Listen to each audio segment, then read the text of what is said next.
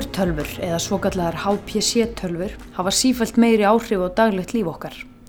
Tölvurnar hafa mikla afkasta og reikningetu og eru notaðar í ýmsum atvinnugreinum til að leysa flókin tölfræðileg úrlausnarefni. Ofurtölfur eru í raun samstæður margra tölva sem tengdar eru saman með háhraða tengingu. Kraftar þeirra eru til dæmis nýttir í tæknithróun, í fjármálageiranum og í byltingakendum læknisfræðiransóknum. Ofurtölfur gefa því fyrirreitum talsvert breyta framtíð sem við ætlum að reyna að skegnast inn í. Ofurtölfur eru meðal annars hýstar í gagnaverum Advanja. Þar er hægt að fá aðgengi að tölvuafli til lengri eða skemmri tíma og við ætlum að heyra meira því hvað ofurtölfur gera, hvers vegna Erlend fyrirtæki sækjast eftir þjónustu við slíkar tölfur hér á landi og hvernig þær nýtast í almanna þáu og hvers vegna tali er að innan örfára ára verði meiri hluti vöruframlegandi í heiminum farin að álagsprófa vörur sínar með aðstóð ofurtölva. Við ætlum að ræða þetta við Gísla Káur Katrínarsson, framkvæmtastjóra Sölu og Markaðsviðs hjá Gagnaverum Advanja.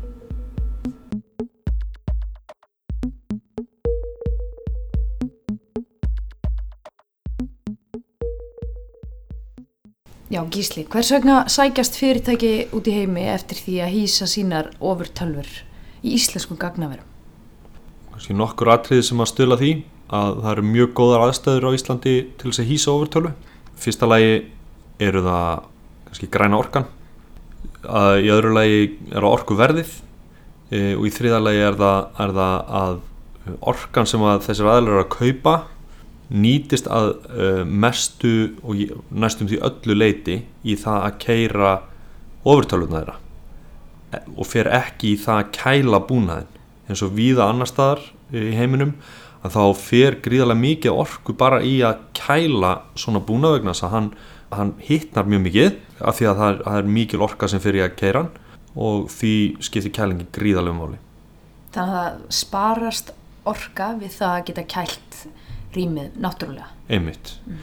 Og þessa orku til þess að kæla þurfa þessir aðeinar að kaupa annar staðar. Gildi kannski getur verið, það getur verið 20% meira heldur en bara 12 notar og það er 20% hærri uh, orkureikningur sem að þeir eru að borga annar staðar mm -hmm. og meðan á Íslandi getur við hort á, á kælingu sem er kannski allt niður í uh, 3% bara samkvæmt nýjustu mælingum og þá afkastar ofurtölva 6-7% meira á Íslandi heldur en annars þar í heiminu. Er það vegna kælingarinn? Það, það passar. Eh, það er, það er samspil, það er eh, vegna loftfarsins, eða hvað segir maður, veðufarsins mm -hmm. hér á landi. Það er veðufarið, þess að hitastíð og rakin sem á, á samspil þar og þessi beina kæling. Mörgum gagnar verið mellendis að þá er, þá eru þetta loku kerfi þar sem það eru um, varmaskiptar sem sjáum að kæla loft inn í lokuðu kerfi en á Íslandi þá getum við nota bara lofti sem er bara úti mm -hmm. bara uh, bein kæling á, á búnaðin samkvæmt okkar rannsóknum og því sem að, því sem að þeim prófunum sem að okkar samstarfæðalar hafa uh, framkvæmt hér á landi og þá erum við að horfa á þetta 6-7% betri afköst ofur 12 á Íslandi heldur en annars þar mm það kom þá að því að þetta leðilega veður sem við búum við nýttist með já, loks, loksins. Já. en þá langar mér náttúrulega auðvitað til að vita hvað eru þessi tölfur að gera í gagnaverðun hvaða munur er á ofur tölfu og bara venjulegri öflur í tölfu já ofur tölfur eru náttúrulega mjög öflugur tölfubúnaður það er að segja að það eru öflugur örgjörvar það er uh, í svömmum tilfellum mikið vinsluminni í þessum tölfum og þetta eru náttúrulega margar tölfur sem eru tengdar saman með hárhraða tengingum til þess að það geti unnið sem einn tölva. Stundum skiptir hárhraða tengingum millir tölvana miklu máli og stundum litlu máli. Það fer gríðarlega mikið eftir í hvað er verið að fara að vinna með. Stundum skiptir vinsluminni miklu máli, stundum minnamáli og stundum er örgjörfinn sem spilar aðallutverkið. Við erum í flestum tilfellum við að horfa á þessar, þessar vinslur sem eru þar sem að örgjörfin er í svona kannski líkil hlutverki það er meiri, meiri orka sem að það tekur til sín þær vinslur og svo keira þær þá í þeim tilfellum þessi verkefni sem að þeir eru að reikna. Og þá eru þetta gríðarlega margar breytur sem er verið að reikna á, á hverju augnabliki fyrir sig. Það er vinnast á öllum þessum tölvum sem að vinna sem ein tölva í rauninni. og keira þá saman gríðalegt magn af gagnapunktum og, og hérna Já, og þetta snýst oft um það að, að keira alla þessa gagnapunta til þess að líkja eftir eða herma eftir einhverjum aðstæðum sem er eigast að stað og þá eru aðstæður á einhverjum kannski föstum hlut eða, eða ytri aðstæðum eins og reynsli á vatni eða reynsli á lofti eða, eða eitthvað slíkt eða, eða hvernig varmi dreifist eitthvað slíkt sko. Já, við höfum síðan veðurstofunar er að nota þetta til að spá fyrir og, og reikna út um veður, það sem eru gríðalega margar breytur sem hafa áhrif á spanna. Uh, ég veit líka að Íslenska ríkið er eh, meðal þeirra sem að er að reikna út flóknar hluti í ofurtölvum í gagnaverum atvanja. Segðu mér aðeins meira frá því. Notkunin sem að ríkið sér út úr, úr einhverju sem að gæti talist vera ofurtölva er gríðarlega mikið náttúrulega sem snýrað kannski uppgjörsvinnslum og, og þess áttar starfsemi. Við rekum nokkur kerfi sem að getur talist vera ofurtölfur eða getur talist vera svona vinslur sem að, sem að myndu henda gríðarlega vel fyrir ofurtölvu hvort sem að keira endilega ofurtölvu eða ekki en þú getur raunverulega keirt til dæmis þessar breytur á venjulegri tölvu en það bara tekur þig svo margfald, margfald lengri tíma það sem við hefum eftir að sjá í gríðarlega auknum mæli er það að vegna þess að tíminn hann skiptir máli og lífandi gögn verði ekki til nema vinslu getan í bakendanum það er að segja það er að segja kerfin, undirlíkjandi kerfi geti skilað þessum gögnum á lifandi hátt og, og að, að ég geti hort á stöðu ríkisins sem fjármálaráðherra eða, eða fórsettisráðherra og ég geti haft eitthvað mælaborði yfir það hvernig okkur gengur í dag en ekki, ekki hvernig okkur gekk fyrir hálfa ári síðan vegna þess að uppgjöri átti sér stað þá. Þetta mun spila alveg gríðarlega stóran þátt í svona næstu skrefin sem að til dæmis ríkið mun taka í því við verðum að geta, hafa puttan á púlsinum í dag Bara Vegna að- fjármálastöðu ríkisins í dag í dag, einmitt Já. til þess að við getum brúðist hrætt við ekki að við bregðumst við eftir sex mánuði af því að eitthvað fór úrskeiðis vegna þess að það er bara þá sem við fáum tölvöld við viljum fá þar núna í dag og þá þarftu eitthvað sem að myndi teljast vera ofurtálfa undir það til þess að geta skila þessu stöðugt upp í eitthvað mælaborð sem að getur reist eitthvað flögg ef að, ef að það er eitthvað að fara úrskeiðis En þá er, verður við eiginlega að fjalla um verkefni sem að mér finnst þér alveg ótrúlega spennandi og hefur verið kallað The Living Heart Project og er kannski gott dæmi um hvað eh, getur gert. Eh, Segðu okkur aðeins frá þessu, þessari svona byltingakendu læknisfræði rannsókn sem hefur verið, hefur verið framkvæmda hluta til hérna á Íslandi. Já, þetta, þetta er mjög spennandi verkefni sem við tókum þátt í með e, e, Stanford háskólanum e, fyrirtæki sem heitir Ubercloud sem er þýsk bandarist félag og Hewlett Packard Enterprise sem er náttúrulega líklega staðisti búnaðarframleiðandi í ofurtölvum á heimsvísu sendum meðal annars ofurtölvu út í game sem er einmitt keirir bara í geimnum. Þetta verkefni snýri að því að, að uh, koma í rauninni líkani af hjarta uh, í, í stafrænt form. Í þessu hjarta eru einhverjar 200 og eitthvað miljón breytur sem að geta allar verið í mismunandi ástandi á hverju augnabliki fyrir sig Og við erum að tala um mannshjarta. Við erum að tala um mannshjarta, já.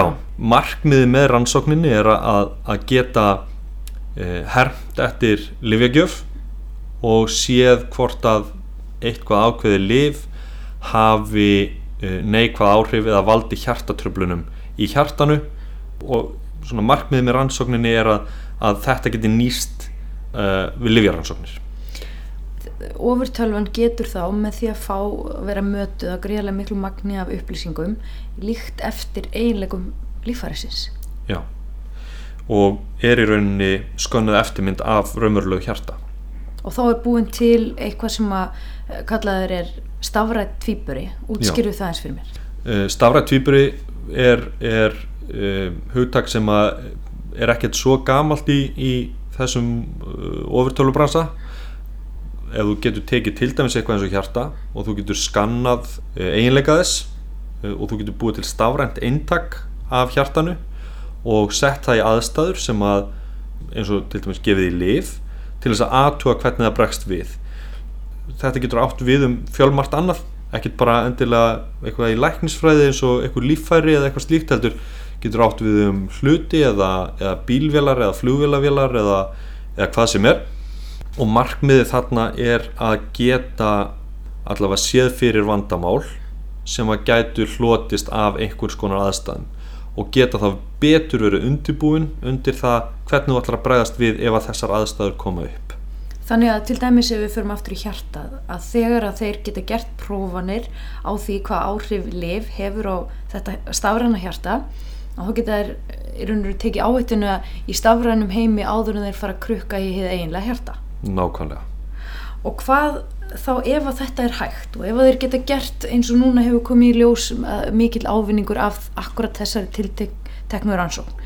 eh, hvað gefur þetta þá fyrirheit um? ef við ættum að geta kannski bara varpa okkur tíu ár fram í tíman eða, eða 20 á þess að ég ætla að fara að segja kannski endilega til það hvenar eða lofa hvenar þetta verður raunveruleika en ha.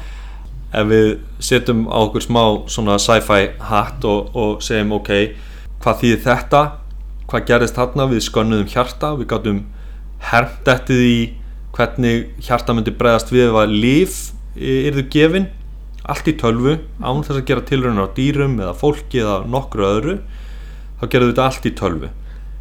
Við gætum hort á það á einhvern tímapunkti að sjúklingur kemur inn á sjúkrás og, og hjartaðans er skannað eða hann er jafnvel allur skannaður og, og tölva segir lækni hvaða lifum á gefunum og hvað ekki.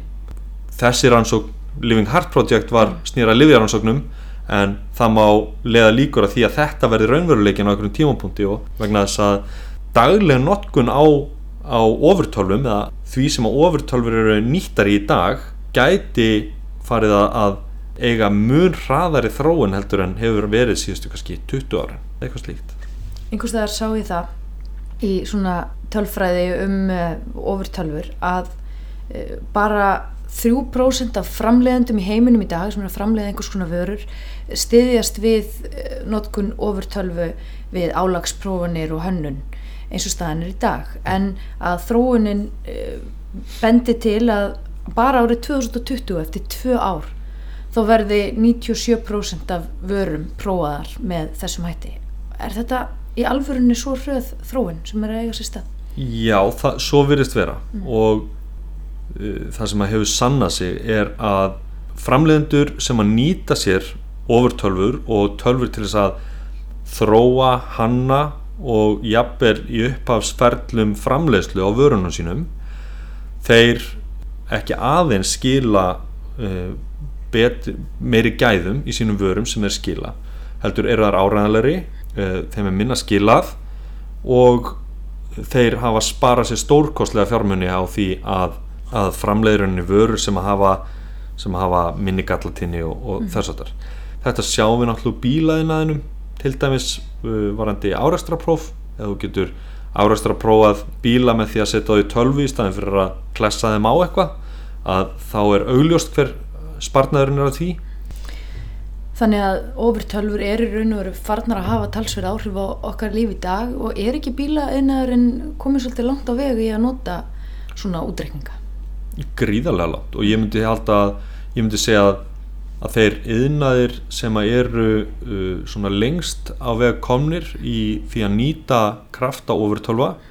það er fjármála, fjármálakerfi heimsins, þau nýta gríðarlega mikið ofurtölfur til þess að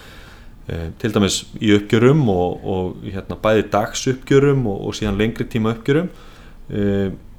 en bílafræðinir eru, eru þarna rosalega gott dæmi um þetta. Það sem að ég sem bílafræðandi get kannski fram framkvæmt 50 árækstraprónir á dag alla í tölvu án þess að eðilegja nokkur bíl og síðan er loka prófunum kannski framkvæmt með, að, með, með hefbundnum hætti með því að klessa bíla eitthvað. Og þegar við sjáum þessa þróun eiga sér stað og næsta augljósa skref eftir bílaframlöstu var kannski ekkit endilega læknisfræði mm -hmm. en við erum samt sem aður að sjá rosalega stór skrefur að stígin í varandi, varandi læknisfræði með, að, með aðstóð ofurtálfa og það náttúrulega er ótrúlega heiður fyrir okkur að fá að fyrir að partur af þeirri, þeirri vegferð. Lýstu það eins hver aðkoma að vanja er að svona verkefni? Því að Advani er nú kannski ekki þekkt fyrir brauðriðandi læknisfræðir ansóknir hinga til þannig að uh, hvert er svona ykkar hlutverk í svona flókinni framkvæmt? okkar hlutverk í þessu verkefni er mjög svipað eins og uh, okkar hlutverk annar staðar. Það er svona okkar það, sem, það er okkar virði sem við færum inn í þessar ofurtölvu vinslur eða ofur, þessi ofurtölvu verkefni það er annars vegar þá sjáum við og hýsum velbúnaðin eins og gefur að skilja þá erum við með gagnaverð hérna á Íslandi. En við höfum hins vegar líka byggt upp gríðarlega þekkingu til þess að eh, aðstóða þessa aðila sem eru að, að, að keira þessi verkefni e, bæði við uppsetningu og bestun á vélbúnaðinum. Þannig að vélbúnaðurinn e, e, skili sem allra bestum afkostum vegna það skiptir gríðalegu máli í svona verkefni e, síðan höfum við getað og þekkjum orðið mjög vel e, þau, þann hugbúnað sem að þarf að nota í svona verkefnum og getum hjálpað mönnum við að, að halda, viðhalda og, og vakta þennan búna þannig að afkostin séu alltaf með besta móti. Og það, það er, hefur verið okkar aðkoma þar og hefur verið tilfallandi að, að við höfum þá jafnvel stíð dýbra inn í verkefnin og gert eitthvað meira og við þurfum að, við, þurfum, við vöktum náttúrulega búnað en það getur ímislegt komið upp á í svona búnaði sem að er, er þróaður og smíðaður til þess að skila hámars afkostum þegar að það er látið reyna á svona tölvu alveg upp á þólmörkum að þá náttúrulega getur ímislegt bilað á þess að það er greiðlega mikilvægt að þetta sé skilja hámars afkostum þannig að við þurfum ofta að þá skiptum um eitthvað eða, eða að stilla um, vélarnar vegna þess að og eins og ég myndist á aðan að þá getur verið um, munur á vinsluminni og, og, og örgjörfa þörf á vinsluminni og örgjörfa hversu mikið vinsluminni þarftu eða hversu mikið mikla áherslu alltaf að leggja örgjörfa og mismunandi hugbúnaður fyrir ofurtöluverkefni getur krafist mismunandi hlutfalls af vinsluminni og örgjörum og þessu þarf alltaf að hugað fyrir hvert einasta verkefni. Þarna þurfum við alltaf að, að besta vélarnar, besta stillingar vélarnar til þess að, til þess að skila sem bestum afkostum og, og það er einmitt ein, eitt af, af okkar svona kannski styrklingum er sá að við höfum byggt upp þekkingu til þess að, til þess að geta hjálpa mönnum akkurat þarna. Ef við förum aftur í e, læknisfræðir ansóknar þá e, er þessu nú ekki lokið bara með þessari hjartaransók sem að e, kallast Living Heart Project heldur er sama teimi að fara að hérna, hefja rannsóknir á mannsheilan segðu mér aðeins frá því Já, það er um, næsta verkefni sem við ætlum að stíga með, með Uber Cloud er rannsókn á mannsheilanum þar sem er búið að setja upp líkan af mannsheila og markmið rannsóknarinnar er að rannsaka áhrif meðferða á geðklófa.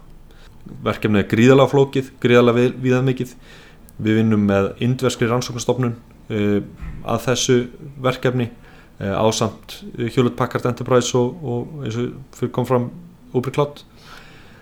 Og við bindum gríðalega miklar vonir við það að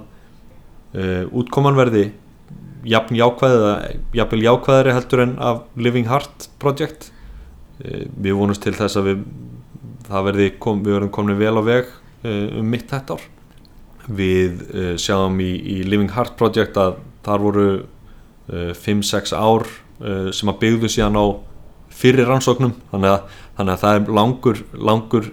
tími sem er svona kannski undirbúningstími að svona, svona rannsókn. Hins vegar var liðurinn í, í því sem að við tókum þátt í því, því verkefni var að um, raunverulega sanna verkefni eða sanna tilgáttuna sem að, sem að hafi verið lögð fram það, um, það hefur átt sér gríðarlega mikill undirbúningur hjá, uh, hjá uh, Ubercloud og, og hérna, þessari indvesku rannsóknstofnun um, og við erum raunverulega í þessum fasa að, að fara að sanna það að þetta sé, þetta sé hagkvæm leið til þess að kanna virkni heilans. Mm. og kannski áreðanlega leið. Ekki endilega hagkvæm heldur meira þá áreðanlega leið. Vegna þess að það er í þessu eins og svo mörg öðru að kannski eru, kannski eru fyrstu verkefnin dýr en ef að áreðan leikin er næginlegur þá finna menn leið til þess að gera tæknina nógu ódýra til þess að fólk getur farað að nýta hann á fullum krafti Þetta er náttúrulega gríðarlega spennandi verkefni og gaman að sjá einhvern veginn hvernig ofur tölvurnar eru farnar að hafa áhrif á eh, daglegt líf fólks og nýtast í almanna þái líka, ekki bara við framleyslu á einhverjum vörum eða eitthvað svo leis. Þannig að það verður spennandi að fylgjast með þessu. Bara þakka ég kærlega fyrir komin. Takk fyrir